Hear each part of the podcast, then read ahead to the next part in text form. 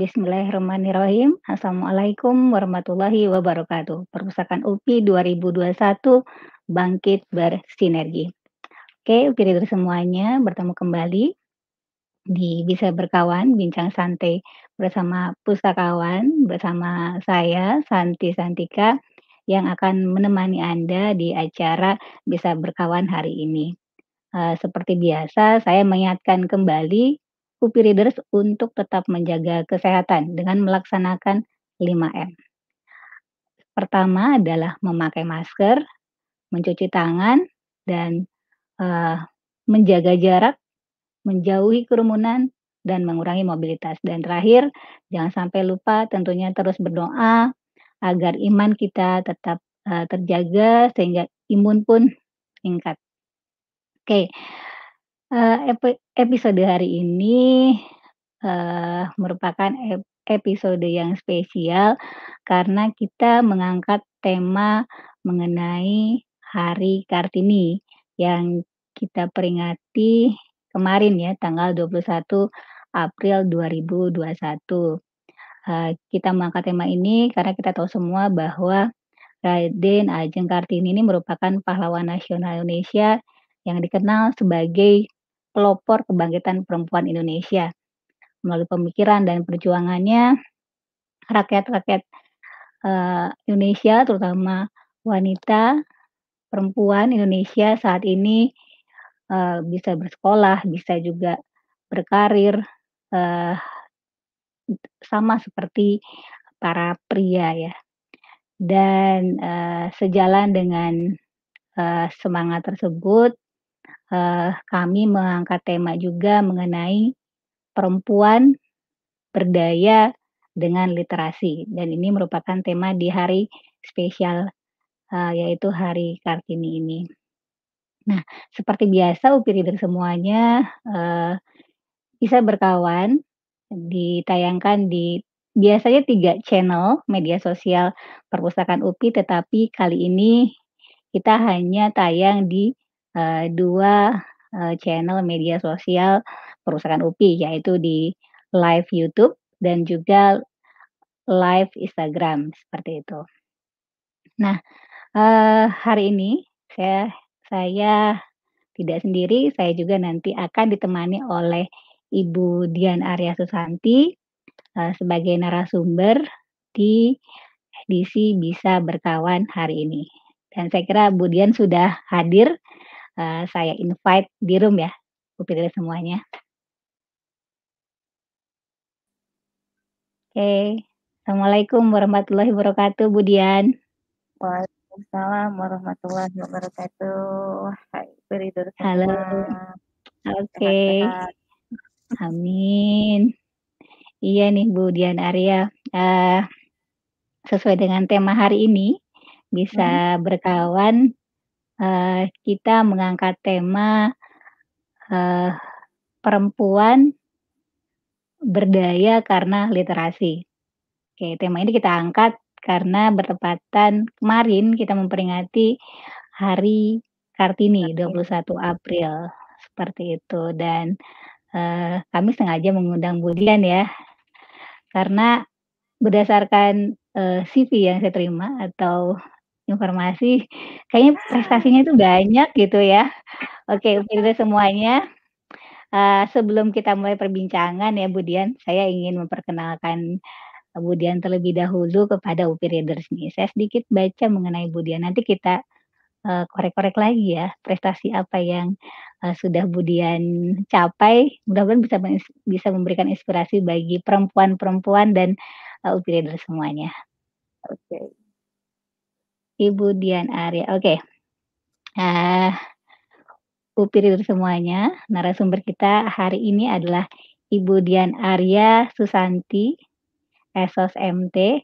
Biasanya Bu Dian selalu hadir di Bisa Berkawan itu sebagai host atau moderator. Nah, sekarang saya ingin menggali lebih sosok Bu Dian nih, biar UPI Reader hafal semuanya. Sering bertemu di Bisa Berkawan, tapi belum terkorek sepertinya. Oke, Bu Dian Arya ini, eee, mendapat gelar sarjana dari Ilmu Perpustakaan dan Informa Ilmu Perpustakaan dan Informasi Pikom Unpad. Oke, lulusnya tahun berapa nih, Bu Dian? Boleh bilang ya? Udah tua dong. Ketahuan nanti udah tua. Siap siap siap.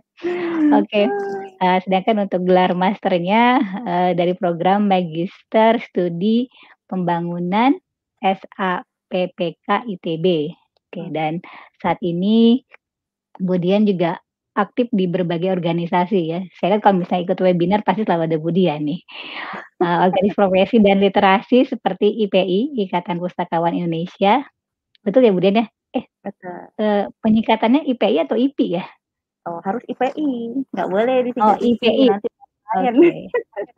Oke, siap. Saya, eee, aktif di IPI, Ikatan Pustakawan Indonesia, juga di, eee, ICPI.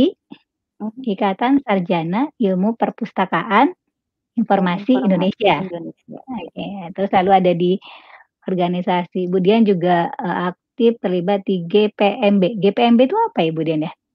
GPMB itu Gerakan Pemasyarakatan Minat Baca, Gerakan Ah, Pemasyarakatan oke. Minat Baca. Oke, geraka gerakan pemasyarakatan minat baca. Iya. Oke, dan Pokja Literasi Kota Bandung. Aktif di kegiatan literasi Kota Bandung juga ya. Iya. Oke, pernah men nah ini prestasi yang membanggakan nih saya kira. Pernah Mhm. menjadi juara pustakaan berprestasi tingkat provinsi Jawa Barat. Oke, dan juara 3 tingkat nasional. Wah, Iya. di perusahaan UPI juga Bu Dian bertanggung jawab sebagai pustakawan bagian referensi. Setelah hampir 10 tahun bekerja sebagai classifier dan kataloger. Oh, jadi kalau untuk di perpustakaan saya kira semua bidang sudah cukup, eee, mumpuni ya, sudah pernah referensi, classifier, kataloger itu di bagian pengolahan ya, ada teknis sama non teknis ya, Bule Iya, eee, Bu Dian ya? betul. Pengadaan Selain belum itu pengadaan ya, oke. Iya. Nah kita selain itu Pindahin. sejak tahun 2000 biar semuanya tercoba. Biar rata. Nah ini terakhir-terakhir selain tahun selain itu sejak tahun 2009 juga, Bu Dian ini eee, terlibat atau masuk sebagai tim ISO ya. ISO Mhm. yang bertanggung jawab, eee, dengan kegiatan ISO yang terkait 9001 yang berkaitan dengan manajemen mutu di perpustakaan. Karena ya kami juga, eee, sebagai perpustakaan juga dituntut untuk selalu mening eee, menjaga kualitas ya Bu Dian ya, seperti itu. Betul. Eee, agar maka oleh karena itu kita juga, eee, menggunakan pelayanan dengan standar mutu ISO 9001 dan Bu Dian ini adalah satu, eee, timnya yang memantau semua kualitas berdasarkan standar tersebut, seperti itu. Mhm. Oke, Founder, saya kira, eee eee, itu adalah sedikit tentang Ibu Dian ya, nanti kita korek lagi. Oke, Founder semuanya, langsung saja kita mulai perbincangan kita, eee, dengan Mhm. Bu Dian mengenai, eee, perempuan, eee, literasi dan juga R.A. Kartini ya. Kalau kita Hmm. mendengar sosok R.A. Kartini, saya juga sedikit membaca beberapa literatur tentang, eee, beliau ya, dan saya merasa ya oke, eee, it's worth it ketika R.A. layak ketika R.A. Kartini menjadi se seorang, eee, pahlawan nasional ya. Karena ketika saya membaca buku-buku berkaitan dengan beliau gitu ya, eee, beliau itu sangat inspirasional dengan pemikiran-pemikirannya mengenai terutama mengenai keadaan sosial, eee, pada saat itu di mana perempuan ya mungkin dibatasi ya untuk, eee, bergerak terutama, eee, berkaitan dengan pendidikannya, seperti itu. Padahal di lain pihak juga perempuan itu adalah, eee ibu bangsa, ibunya generasi. Jadi mau nggak mau sebenarnya harus harus cukup pintar, berakhlak, dan berbudi pekerti agar generasinya juga, eee, seperti itu, seperti itu. Nah, eee, menurut Bu Dian sendiri nih, sosok Kartini bagi Bu Dian itu seperti apa? Kalau menurut aku, menurut saya, eee, beliau adalah orang yang hidup melampaui zamannya. Jadi selain visioner, beliau memang, eee, ibaratnya kalau dia hidup di zaman ini, di zaman sekarang bersama-sama kita mungkin dia tidak menjadi sesuatu yang spesial. Ya akan Hmm. sama dengan kita semua, menjadi ibu, menjadi perempuan bekerja misalnya, yang mengkombinasikan kedua hal itu dengan, eee, baik dan menjadi wanita Mhm. karir yang, eee, mungkin, eee, berhasil di bidangnya nanti. Entah apa itu gitu ya. Tapi Mhm. karena dia hidup di zaman kolonial di mana perempuan eee, dibatasi, eee, gerakannya, tidak hanya dalam, eee, bidang pendidikan, bidang pekerjaan, bahkan dalam kehidupan privatnya pun sebagai perempuan itu banyak sekali batasan-batasannya. Karena beliau kan seorang perempuan priayi di Jawa yang Iya, aturannya itu luar biasa. Perempuan ini tidak boleh begini, perempuan ini tidak boleh begitu, itu luar biasa, wah banyak sekali aturannya, batasan-batasan. Jadi ketika, eee, beliau dengan berani mengungkapkan pendapatnya dalam tulisan-tulisan, dalam surat-surat yang dikirimkan kepada sahabatnya di Belanda, dan pemikiran-pemikirannya itu luar biasa, eee, melebihi perempuan-perempuan di zamannya gitu kan, itu wah Iya, betul sekali. memang sangat-sangat mengagumkan. Iya iya. Ya Mhm. betul sekali ya, Bu Dian ya. Eee, Mhm. jadi, eee, apa, di luar pada zamannya seperti itu ya, dan Mhm. dia sangat, eee, apa ya, jadi kayak butuh sebuah keberanian untuk itu tentunya ya, Bu Dian ya. Betul betul. Nah, menurut Bu Dian sendiri nih, kalau misalnya, eee, sosok Kartini pada, eee, dulu dan sekarang. Nah, sekarang itu, eee, kalau kita mengambil inspirasi dari Kartini nih, perempuan Indonesia saat ini tuh harusnya seperti apa sih gitu? Perempuan Harus lebih ya? Indonesia ini sebetulnya lebih beruntung daripada perempuan-perempuan di negara-negara Eropa, di negara-negara Arab. Itu sebetulnya perempuan di Indonesia sudah sudah sangat beruntung. Karena kita tidak mengalami apa yang namanya eee apa, gender gap atau apa ya, jadi betul-betul, eee, mungkin masih ada sih, sebetulnya masih ada, Mhm. tapi tidak separah yang yang dialami oleh perempuan-perempuan apalagi di Arab ya. Itu Mhm. sangat-sangat, eee, jauh sekali perlakuan dan kebebasan yang diberikan kepada perempuan.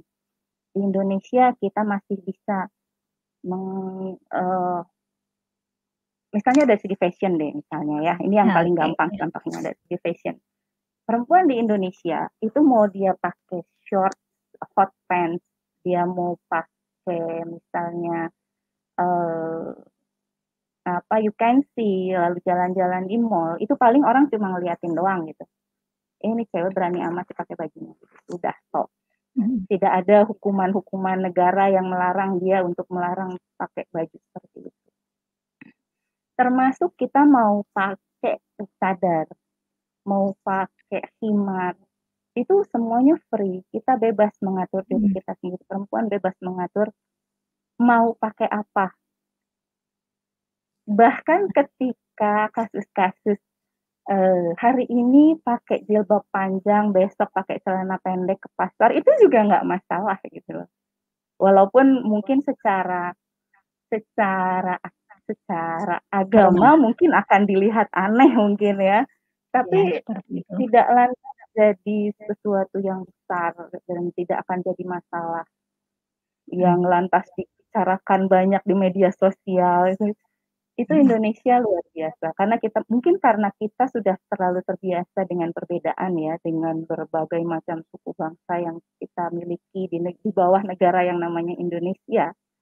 Jadi ketika melihat sesuatu yang berbeda tuh sudah ya ya Iya. dia memang beda sih, gitu.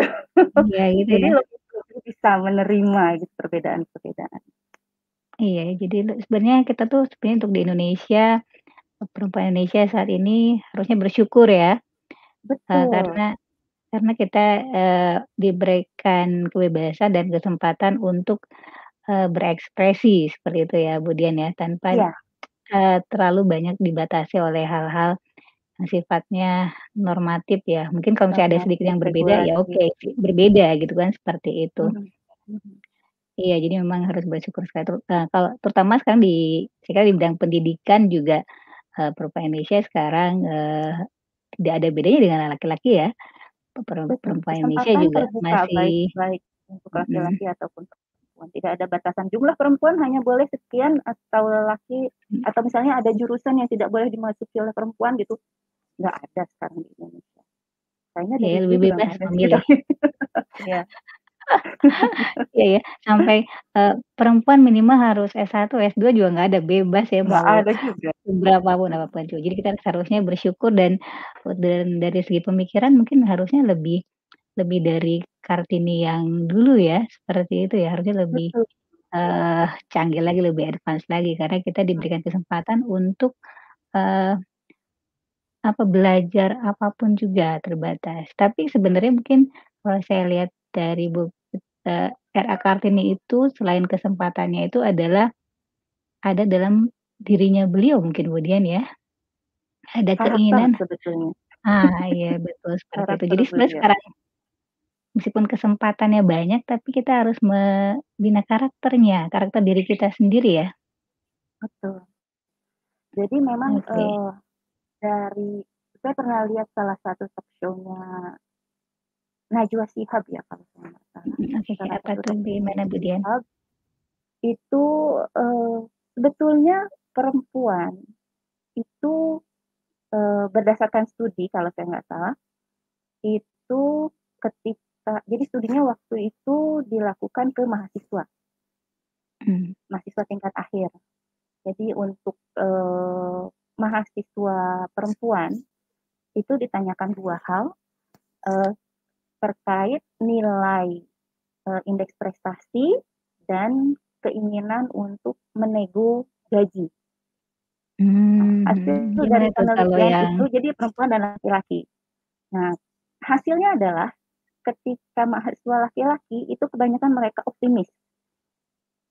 Mmm. Mereka selalu eee, dari hasil penelitian itu hasilnya kebanyakan, eee, kalau mahasiswa laki-laki itu, eee, menebak IP mereka itu lebih dari kenyataan. Mhm.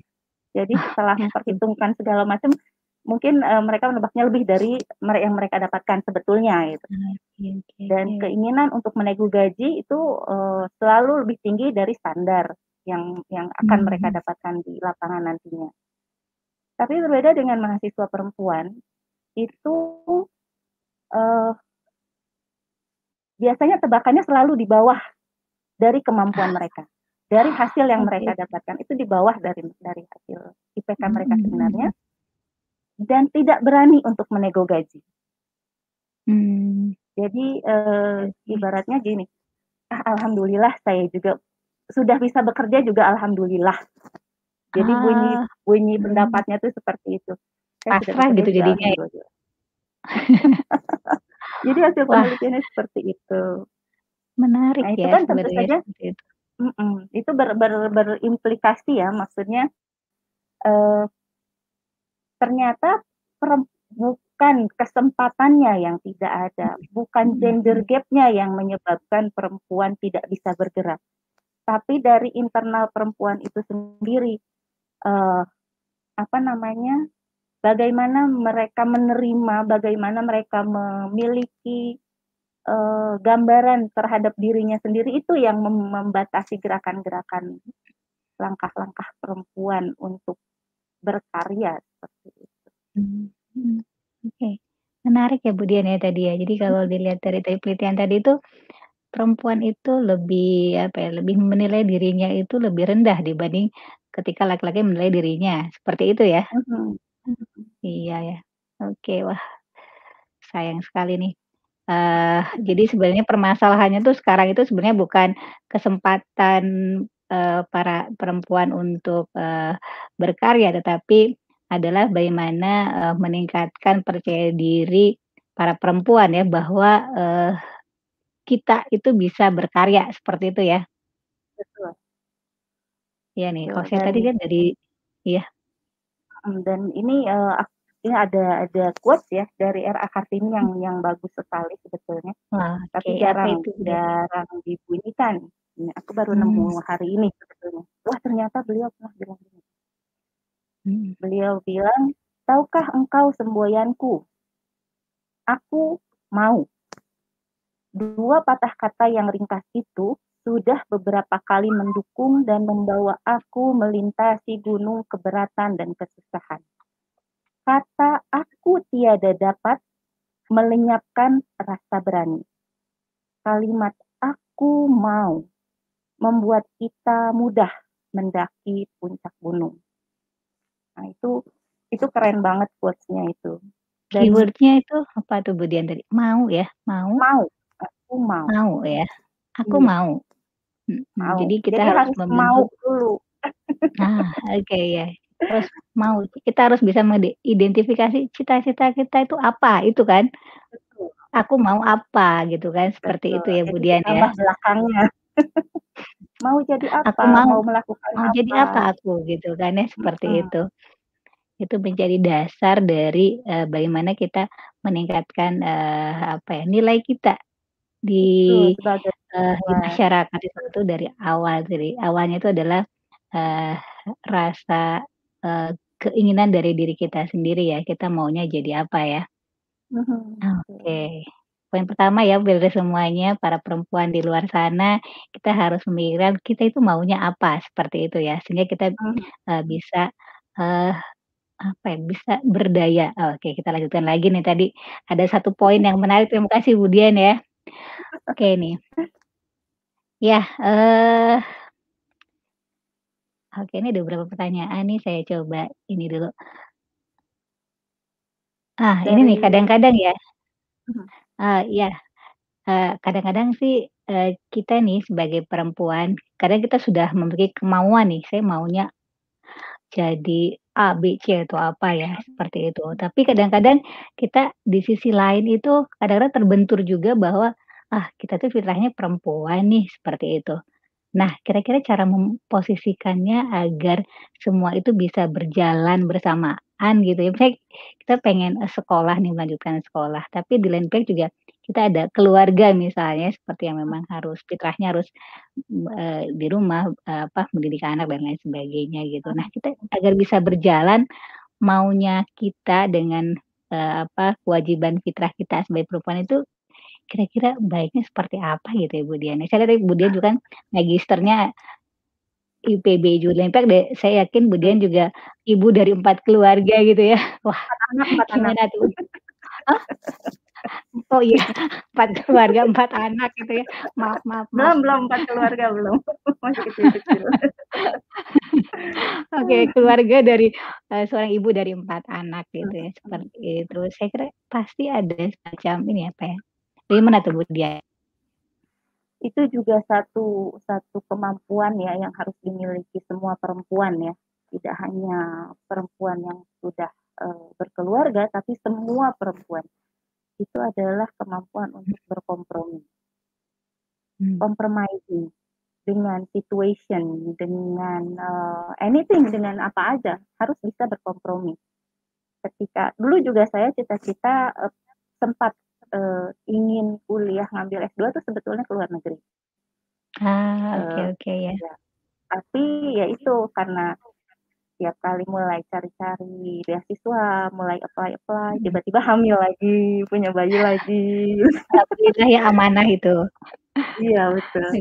Jadi, eee, ya itu, ketika kita berpikir, eee, bahwa, mmm, memiliki keluarga, memiliki anak adalah amanah, dan amanah ini juga adalah sebuah, eee, berkah dari Allah tentunya ya.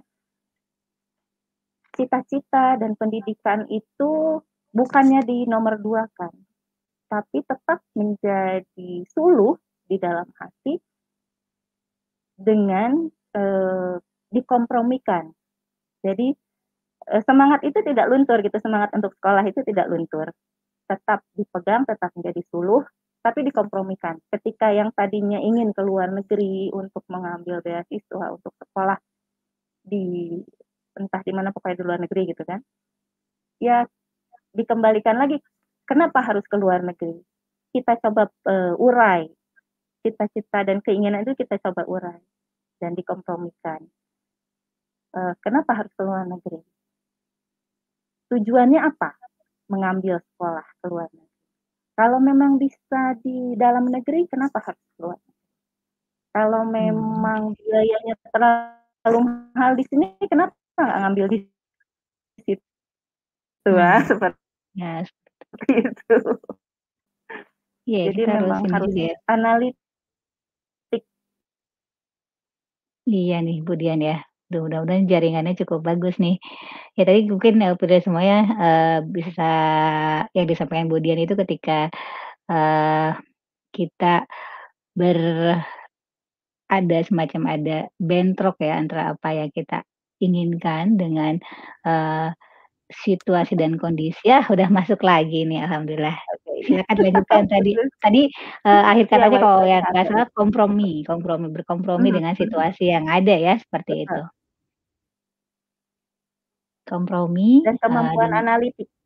Nah, kompromi dan kemampuan, uh, analitik untuk melihat, uh, situasi ya, seperti itu ya. Jadi perempuan perempuan juga untuk mengerti masalahnya kita harus, uh, selain bisa mengidentifikasikan, uh, permasalahan yang ada, terus kita melihat, uh, apakah semacam cara menyelesaikannya seperti apa, menganalisis alternatif-alternatif apa saja yang bisa kita pilih ya, kemudian ya, untuk tetap bisa mencap apa, meng meng apa, mencapai keinginan kita, tetapi juga tetap kita juga sebagai fitrahnya sebagai perempuan.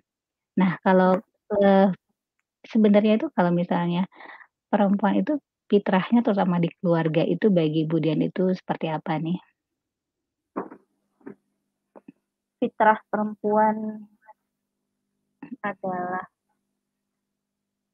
menjadi makhluk yang lembut, yang memiliki empati lebih daripada laki-laki. Ketika laki-laki diciptakan dengan logika, perempuan diciptakan dengan empati. Dengan jadi rasa, memang ya. betul. Jadi memang uh, untuk saling melengkapi, laki-laki dan perempuan itu ada untuk saling melengkapi. Laki-laki saja uh, tentu keputusan-keputusan diambil juga sangat logis, sangat uh, bukan tidak bukan tanpa empati ada, tapi tentunya tidak sebesar bila uh, keputusan-keputusan itu didiskusikan dengan perempuan. Perempuan juga sama ketika mengambil keputusan-keputusan itu tentu akan lebih banyak empatinya. Kadang-kadang logikanya kalah dengan empatinya seperti itu. Hmm, hmm, Makanya ke saling melengkapi antara perempuan. Ah, iya. Partnership Terus, gitu ya, Budian ya? partnership. Kita tidak Oke, bisa jadi. mengatakan yang satu lebih superior dari yang lain itu nggak bisa, hmm? karena memang diciptakan untuk saling melengkapi. Oke, nah, mungkin nah, jadi jadi kesetaraan gender itu bisa diartikan sebagai, uh, bukan sama, tapi lebih ke partnership seperti itu ya, jadi saling melengkapi ya, Bu Dian ya? Betul betul. Ah, terkait okay. terkait fitrah perempuan di keluarga memang, uh, perempuan itu ditakdirkan untuk menjadi istri ya, istri di dalam keluarga dan ibu tentunya. Mm-hmm. Walaupun tidak semua perempuan memiliki keberuntungan untuk mendapatkan itu. Karena hmm. banyak juga perempuan-perempuan yang tidak bisa menikah dan tidak bisa punya anak. Hmm. Itu bukan berarti mereka tidak menunaikan atau tidak tidak mendapatkan fitrahnya, tentu tidak. Tapi eh, karena memang sudah garisnya seperti itu, sudah takdirnya mungkin memang digariskan oleh Allah seperti itu ya, maka mereka harus uh, menjalankan fitrahnya sebagai perempuan di masyarakat. Misalnya seperti ah. itu. Atau di keluarga besarnya. Menjadi seorang yang mengayomi, menjadi seorang yang mengasuh, seperti itu. Jadi oh, iya, iya. tidak tidak mesti bahwa perempuan itu harus menjadi ibu, harus menjadi istri itu tidak mesti. Oke, jadi kalau misalnya, eee, antara sebagai ceritanya sebagai istri berarti dia itu adalah partner buat, eee, pasangannya ya, Buat Bu Dian ya, seperti itu, betul. saling melengkapi terus, eee, tadi tuh agak tertarik nih saya ingin mendalami mengenai fitrahnya sebagai seorang ibu ya, meskipun tidak semuanya, eee, seberuntung Bu Dian ya yang diamanahi, eee, seorang 4 anak gitu ya, seperti itu.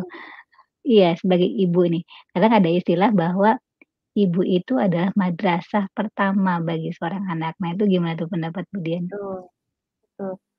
Eee, memang, eee, ini ya, bahwa seorang perempuan itu melahirkan anak itu tidak lantas, eee, dengan eee, bukan apa ya bahasanya, tidak lantas semena-mena setelah lahir terus dibiarkan hidup begitu saja gitu, seorang bayi.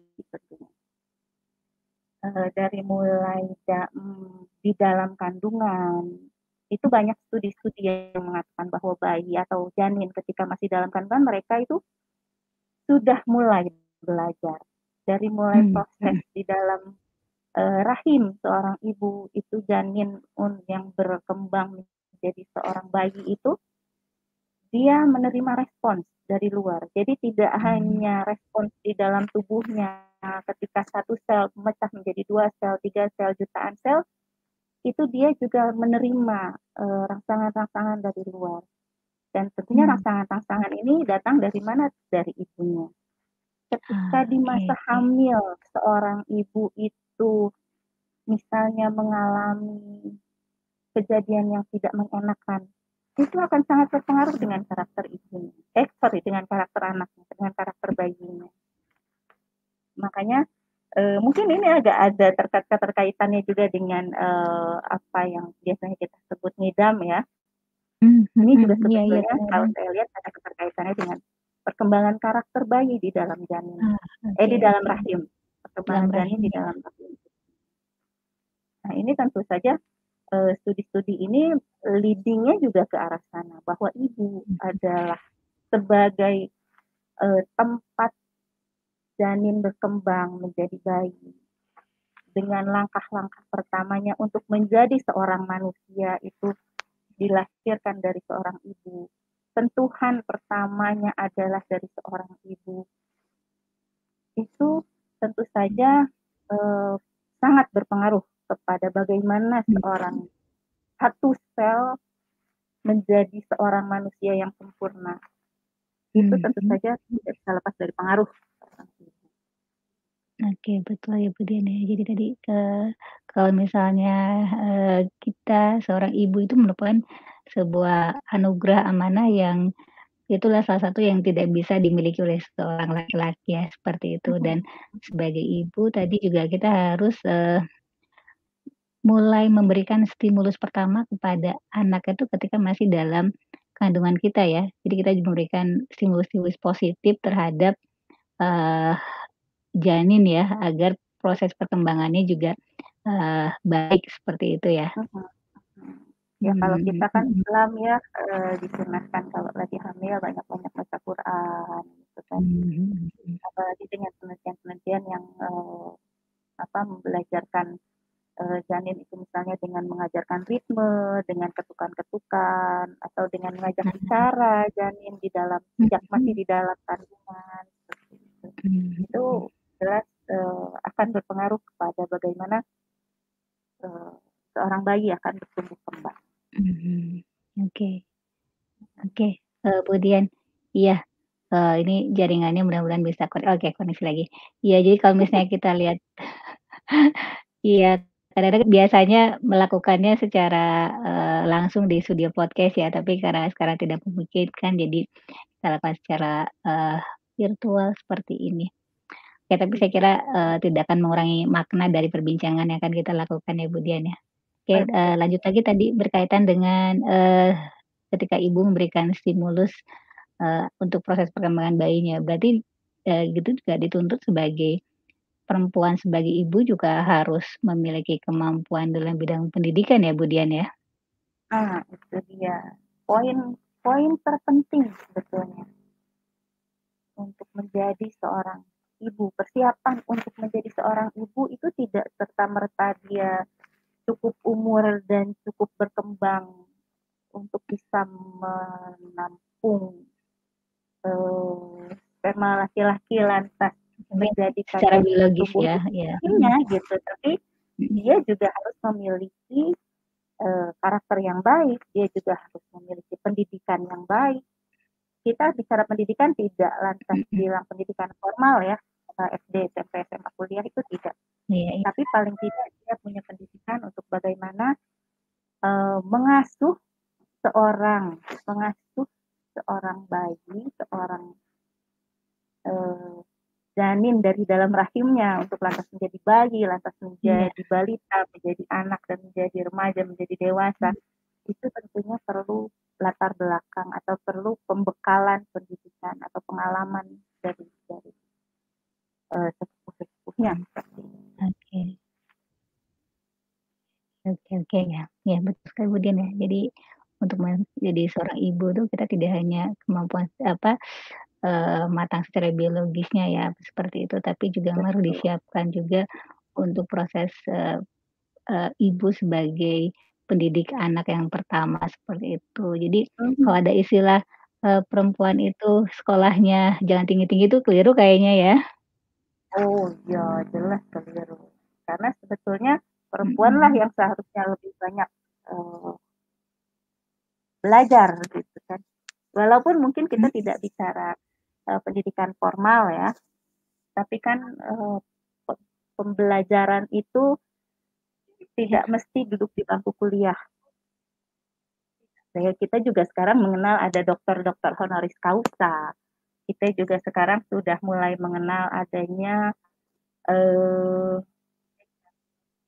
uji-uji kompetensi yang kadang-kadang uh, seperti ibu ibu menteri Susi seperti itu beliau pendidikannya hanya SMA tapi dengan berbagai pengalaman yang dia punya dengan uh, berbagai uh, apa namanya ilmu yang dia miliki itu dia setara dengan uh, orang yang berpendidikan doktor seperti itu. Nah, seorang ibu juga harus bisa begitu.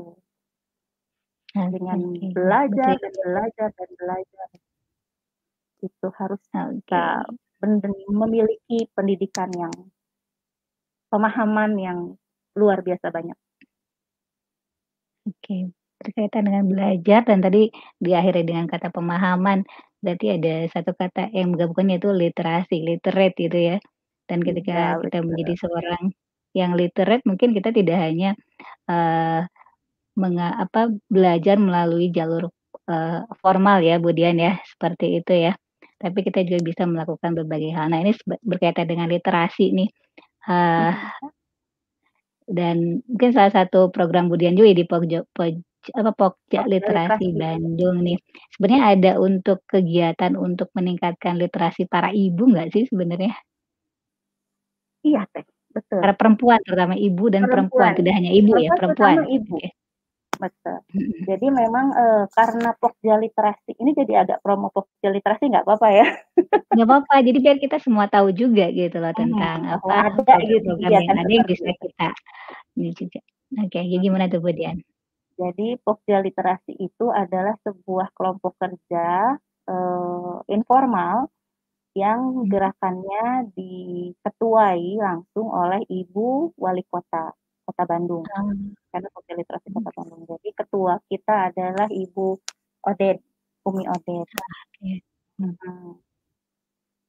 Isinya itu orang-orang yang memang concern dengan literasi Kota Bandung termasuk di dalamnya dalam kepengurusannya itu adalah teman-teman kita dari Dinas Perpustakaan Kota Bandung, Dinas Perpustakaan dan Kearsipan Kota Bandung. Jadi kita mengkolaborasikan kegiatan-kegiatan dari berbagai LSM, komunitas, penerbitan, penggerak literasi, TBM, eh, uh, Karang Taruna dan yeah. Iya. uh, kalau ibu-ibu apa namanya? PKK. Tiba-tiba PKK betul PKK. Hmm. PKK PKK Kota Bandung. Itu semua kita coba kolaborasikan di dalam uh, Pokja Literasi Kota Bandung. Nah, hmm, kegiatan-kegiatan yang sampai saat ini uh, sudah diluncurkan, karena kita juga sebetulnya baru dilantik itu bulan Desember kemarin, walaupun kepengurusannya sudah dibentuk dari awal tahun 2020, tapi baru dilantik oleh Pak Odet itu Desember kemarin. Mm-hmm. Itu okay. kita memang berfokus pada bagaimana seorang ibu bisa menjadi uh, penggerak literasi bagi keluarganya. Hmm, okay. Dan itu uh, dimulainya top down. Jadi dari dimulai uh, dengan instruksi dari ibu wali kota ke ibu camat, ke ibu lurah, ke ibu RW, ke ibu RT, dan nantinya ke ibu-ibu yang ada di dalam wilayah RT-nya. Seperti hmm. itu. Seperti hmm. gerakan uh, dulu kalau ibu wali kota yang sebelum ini bukan ibu wali kota ya, ibu gubernur, ibu gubernur yang hmm. sebelum uh, iya ya sebelum itu beliau punya gerakan uh, 18 20 ya kalau saya nggak salah. Apa tuh 18 20? Oh kayak Jadi, jam baca atau jam apa tuh? Betul, jam jam berkumpul. Jam oh, berkumpul jam berkumpul dengan keluarga. Dan di dalam jam itu disarankan untuk uh, bekerja salah satu kegiatannya adalah membaca. Jadi hmm, 18.20 ya. itu adalah family time. Hmm. Kalau ah, kita ah, iya, iya. jangan jangan dinyalakan TV kata beliau. Hmm. Uh, gunakan dengan kegiatan kegiatan-kegiatan yang mendekatkan diri kepada agama, mendekatkan diri kepada pembelajaran seperti misalnya hmm. mendongeng, membaca. Itu program program beliau waktu itu. Nah, saat hmm. ini untuk Kota Bandung, kita coba juga dengan gerakan Ibu Mendongeng, itu kalau saya nggak salah namanya itu, gerakan Ibu Mendongeng. Nah, itu juga eh, salah satu program literasi yang sekarang sedang digencarkan.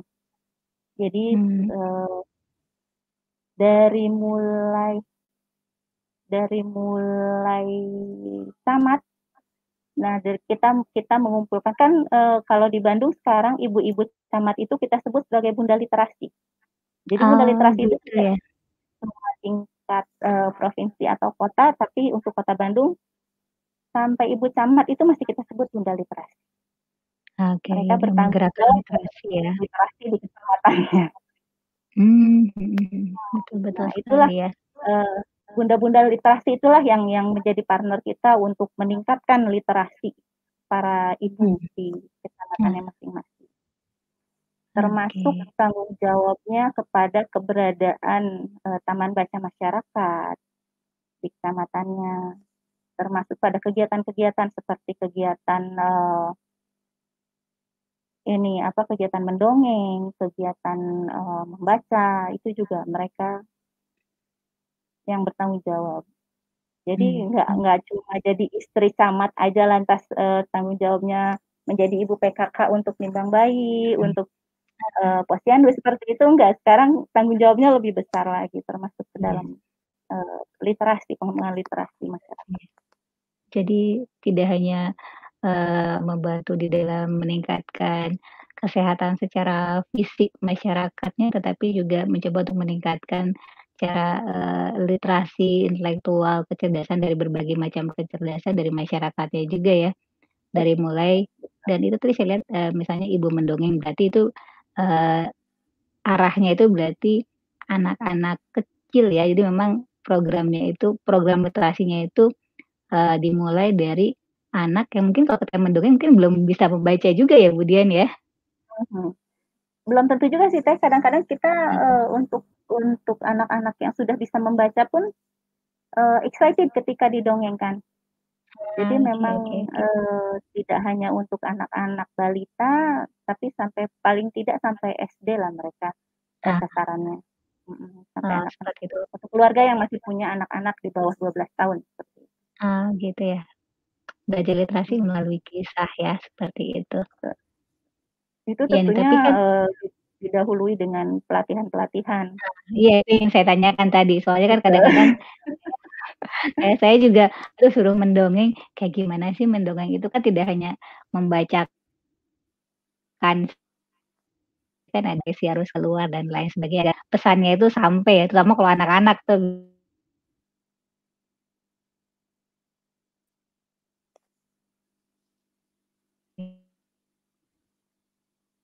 Eee, oke ada lagi, kemudian kayaknya jaringan kita hari ini sedikit kurang bersahabat nih. Iya. Ya, nggak apa-apa, sekali-sekali. Oke, seperti itu, mungkin karena sudah siang juga. Oke, Mhm. eee, iya tadi ber eee, lanjut lagi ya Bu Dian ya, tadi, eee, mengenai me program kerja untuk meningkatkan, literasi para ibu, salah satunya juga dengan melakukan pelatihan ibu mendongeng, seperti itu, dilakukannya itu, eee, sebulan sekali atau dilakukannya itu kapan tuh? Kapan nama waktunya gitu? Eee, baru bulan kemarin itu, eee, Kota Bandung melantik, eee, duta dongeng untuk setiap kecamatan. Mmm. Nah, untuk Ah, oke, para iya. duta dongeng ini diberikan pelatihan, eee, oleh oleh, eee, pengurus Pokja juga, eee, Kak Eka Wardana, mhm. penulis, eee, buku anak ya, banyak sekali tulisan beliau. Eee, dan alhamdulillah beliau juga sangat concern terhadap literasi, jadi memberikan memberikan pelatihan-pelatihan ini juga, eee, pro bono, alhamdulillah. Jadi, Mmm. eee, waktu itu pelatihan sekali, mmm, untuk sekalian pelantikan, sekalian pelatihan, lalu secara simultan, eee, kalau saya nggak salah 3 bulan 3 bulan lagi akan bertemu lagi untuk mengevaluasi. Jadi, Mmm. eee, karena yang dilatih adalah duta, maka duta punya kewajiban untuk melatih lagi ibu-ibu yang ada di daerahnya. Ah, oke. Mhm. Iya. Jadi, eee, setelah kegiatan kita dievaluasi kembali seperti itu ya Bu Dian ya, untuk melihat dampaknya. Menarik sekali. Nah ini berkaitan dengan, eee, literasi tadi ya, sebagai, eee, perempuan gitu ya, eee, kadang-kadang literasi itu cukup banyak nih Bu Dian, ada literasi baca tulis, ada literasi, eee, finansial juga. Nah kira-kira sebenarnya kalau se untuk, eee, perempuan, eee, saat ini, itu kira-kira, eee, literasi apa saja yang memang harus, eee, ada gitu ya, harus dimiliki oleh perempuan saat ini? Semuanya. Seorang Semuanya ya? perempuan itu harus literate dalam semua bidang, Oke. tidak boleh ada yang terlewat. Iya iya iya. Baik Iya di bidang keuangan, di bidang kewarganegaraan, di Mhm. bidang saintifik, di bidang, eee, apa namanya, kesehatan lingkungan, itu semua dia harus mumpuni.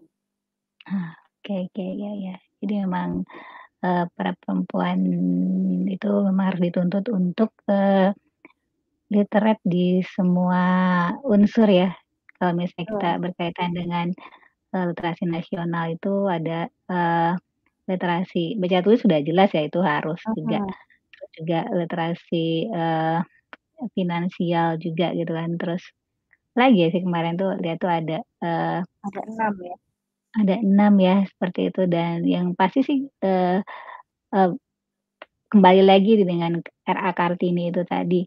Saya tuh ada membaca juga surat, dari R.A. Kartini itu yang, eee, menyatakan tentang keprihatinan, eee, beliau ya mengenai kondisi di mana ketika mempelajari agama Islam, beliau kan, eee, cukup taat gitu ya untuk belajar seorang muslimah yang taat juga, tetapi ada kerisauan beliau ketika beliau tuh merasa bahwa, eee, ada surat yang disampaikan nih, saya saya baca sedikit nih, mudah-mudahan bisa ini, cuman intinya itu beliau itu, mmm Nah ini saya bacakan ya, ini itu ada surat, eee, R.A. Kartini yang dikirimkan oleh yang dikirimkan kepada Stella Cihalender 6 November 1899.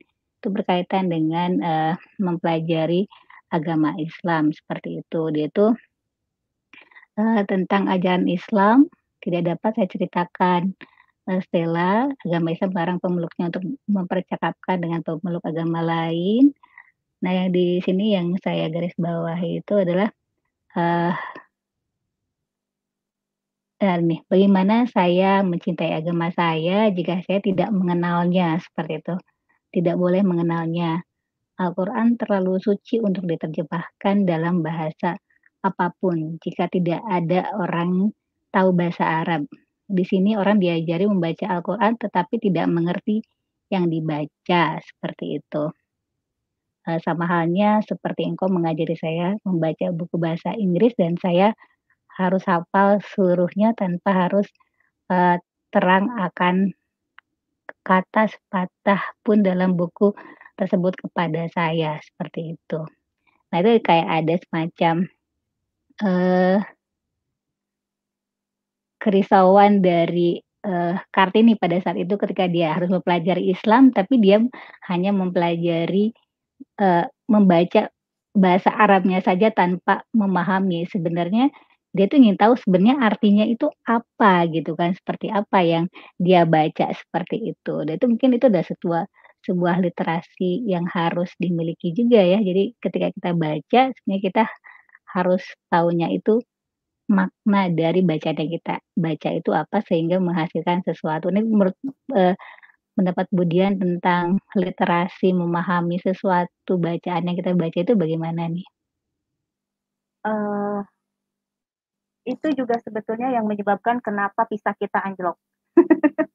Apa? Bukan anjlok ya, memang selalu ada di bawah gitu, bukan anjlok. Kalau anjlok itu pernah tinggi lalu turun. Oh, iya. Kalau kalau Indonesia tuh di bawah terus. Iya, itu, seperti Jadi itu tuh. betul, jadi memang, eee, mungkin karena memang dari dari dulunya kita belajar ya nggak tahu ya, ini ini perlu studi lebih lanjut tentunya ya. Iya, betul ya. Seperti yang dirisaukan oleh ibu kita Kartini, bahwa kita diajarkan untuk menderes, eee, Quran tanpa memahami, Mhm. artinya. Kita Iya. diajarkan untuk membaca ini Budi, ini Ibu Budi tanpa kita harus dikenalkan, "Ini Budi sebenarnya siapa sih?" "Ini. Budi orang mana sih? Umurnya berapa sih?"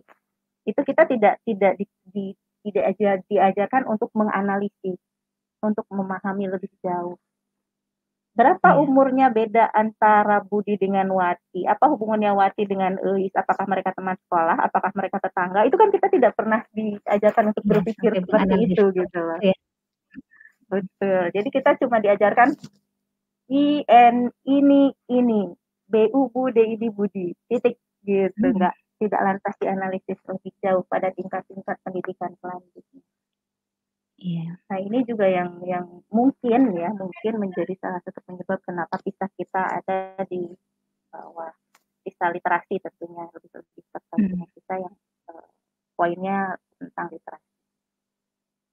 Eee, ini juga Mhm. sebetulnya, eee, Perpusnas juga sebetulnya punya, eee, program ya, untuk meningkatkan literasi masyarakat, terkait dengan adanya 4 tingkatan literasi yang di sekarang ini sedang dikembangkan oleh, eee, Perpusnas. Jadi, eee, Mhm. Bapak Pak Syarif Bando, Kepala Perpustakaan Nasional yang sekarang itu dia melemparkan pendapat bahwa ada 4 tingkatan literasi. Mhm. Nah, literasi yang paling yang pada tingkatan paling rendah, itu tentunya terkait dengan baca tulis saja. Di mana seseorang Mmm. bisa mendapatkan akses terhadap sumber-sumber bahan bacaan. Jadi sekedar, Mmm. "Oh, saya bisa membaca ini, saya bisa mendapatkan ini dari" eee, "situ," seperti itu. Nah, Mmm. dari sumber tertentu. "Saya bisa mendapatkan informasi ini dari sumber tertentu, dan saya bisa Mhm. membacanya." Itu Iya. adalah tingkatan yang pertama, tingkatan yang sangat sangat sangat awal, bukan sangat rendah ya, sangat Iya. awal. Nah, yang kedua, menurut, eee, Pak Syarif Bando adalah kemampuan memahami bacaan secara tersirat dan tersurat. Nah, ini adalah Nah, level ya. selanjutnya dari kemampuan Mhm. membaca dan menulis.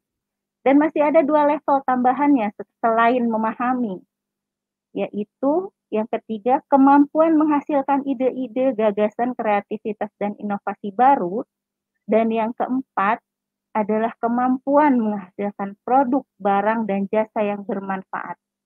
dari Hmm. hasil membaca. Memahami tadi ya, membaca. Betul, dari hasil Nah. membaca, memahami, men menghasilkan sebuah pemikiran, sebuah inovasi baru, lalu mem mengejawantahkannya menjadi sesuatu yang nyata. Itu adalah empat tingkatan literasi yang sekarang sedang dikembangkan, dicoba dikembangkan oleh oleh Perpustakaan Nasional. Jadi tidak lagi berfokus hanya kepada kemampuan membaca dan menulis, pemasyarakatan minat baca tidak lagi sekedar kepada bagaimana e, masyarakat bisa mendapatkan akses terhadap bahan bacaan, tapi juga bagaimana memahamkan masyarakat terhadap bahan bacaannya dan bagaimana masyarakat bisa mendapatkan manfaat ekonomi dari hasil bacaannya. Hmm. Itu yang yang menjadi fokus sekarang dari program-program. Ya, jadi kalau lihat dari situ berarti RA Kartini itu memang di luar zamannya ya. Betul. Itu dia yang tadi pertama saya sebutkan bahwa beliau Iya, di luar zamannya ya. luar biasa. Di luar dia bilang zamannya, beyond, iya, dia jauh beyond, sekali. ya betul betul. Jadi dia tuh tidak berpikir bahwa, eee, seorang wanita itu tidak hanya baca tulis saja, tapi dia juga harus memahami apa yang dia bacanya gitu, sehingga dia bisa Iya. me apa, bisa menangkap, berkarya dari sesuatu yang dia pahami tersebut ya. Jadi dia bilang, "Bagaimana saya bisa mencintai agama saya ketika saya tidak mengenal isinya apa?" Gitu ya, seperti itu. Betul. Bang, iya. Iya. Ah, kita sudah 80 menit ternyata Bu Dian. Oh gitu? Oh luar biasa, 1 Iya. jam lebih.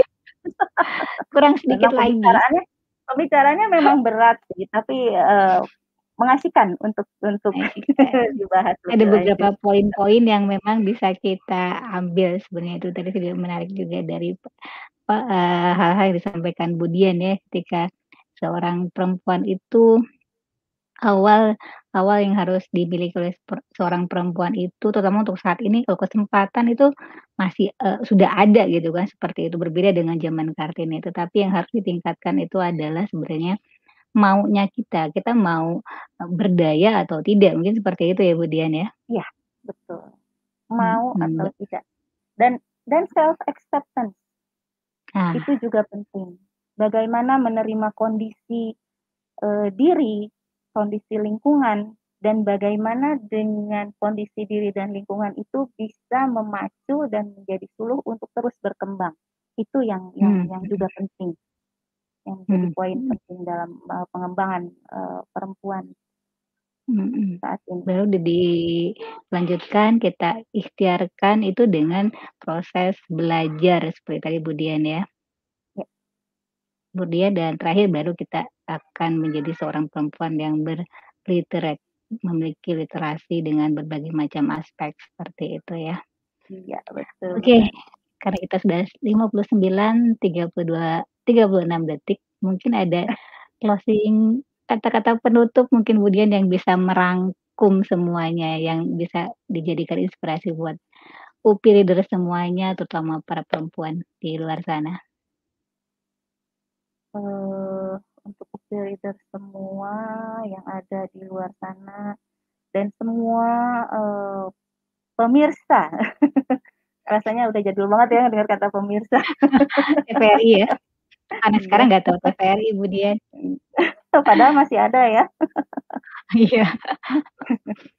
Jadi untuk semua Oke. perempuan yang mendengarkan, eee, kegiatan Bisa Berkawan ini, jangan pernah takut untuk mengembangkan potensi yang dimiliki. Kenali potensi diri. Bisa apa saya? Apa yang saya bisa lakukan? Lalu kembangkan dan jadilah sesuatu yang bermanfaat. Tidak hanya bagi diri sendiri, tidak hanya bagi keluarga, tapi juga bagi masyarakat, bagi lingkungan. Karena fitrah perempuan itu sebetulnya tidak terbatas hanya kepada keluarga saja, tapi juga kepada masyarakat, lingkungan, agama, negara. Mungkin begitu. Ah, terima kasih banyak Bu Dian, eee, kata-kata penuntut penutup yang memberikan inspirasi buat saya juga dan saya yakin UPI leader semuanya juga. Karena kita sudah ada pada penghujung acara nih kemudian, eee, saya, eee, ingin sampaikan mohon maaf jika tadi ada ada kata-kata atau kalimat yang kurang berkenan. Mohon maaf saja tadi ada jaringan sedikit yang kurang, Iya. lancar ya. Dan saya juga terima kasih iya, saya juga terima kasih kepada Bu Dian yang telah meluangkan waktunya bisa, eee, hadir di Bisa Berkawan kali ini, seperti itu. Oke, eee, UPD semuanya, sebelum saya tutup, saya ingin mengingatkan kembali mengenai, eee, tetap menjaga kesehatan dengan 5M, yaitu, eee, tetap menggu menggunakan masker, lalu selalu mencuci tangan kita, lalu kita juga menjaga jarak, menjauhi kerumunan, dan juga mengurangi mobilitas. Dan yang terakhir selalu, eee, kami ingatkan juga untuk selalu berdoa untuk, eee, meningkatkan keimanan kita agar imun kita tetap terjaga, seperti itu. Eee, Bu Dian Bu Dian, eee, sebelum saya close, benar-benar close, saya ingin juga, eee, meminta Bu Nia Bu Dian untuk bersama-sama dengan saya untuk menyem menyemangati UPILDA semuanya dengan tagline perpustakaan UPI 2021. Saya Oke. silaba ya. Oke. Oke, perpustakaan UPI UPI 2021 2021 bangkit bangkit bersinergi. Oke. Oke, terima kasih banyak semuanya. Assalamualaikum warahmatullahi wabarakatuh. Waalaikumsalam warahmatullahi wabarakatuh. Oh, oh,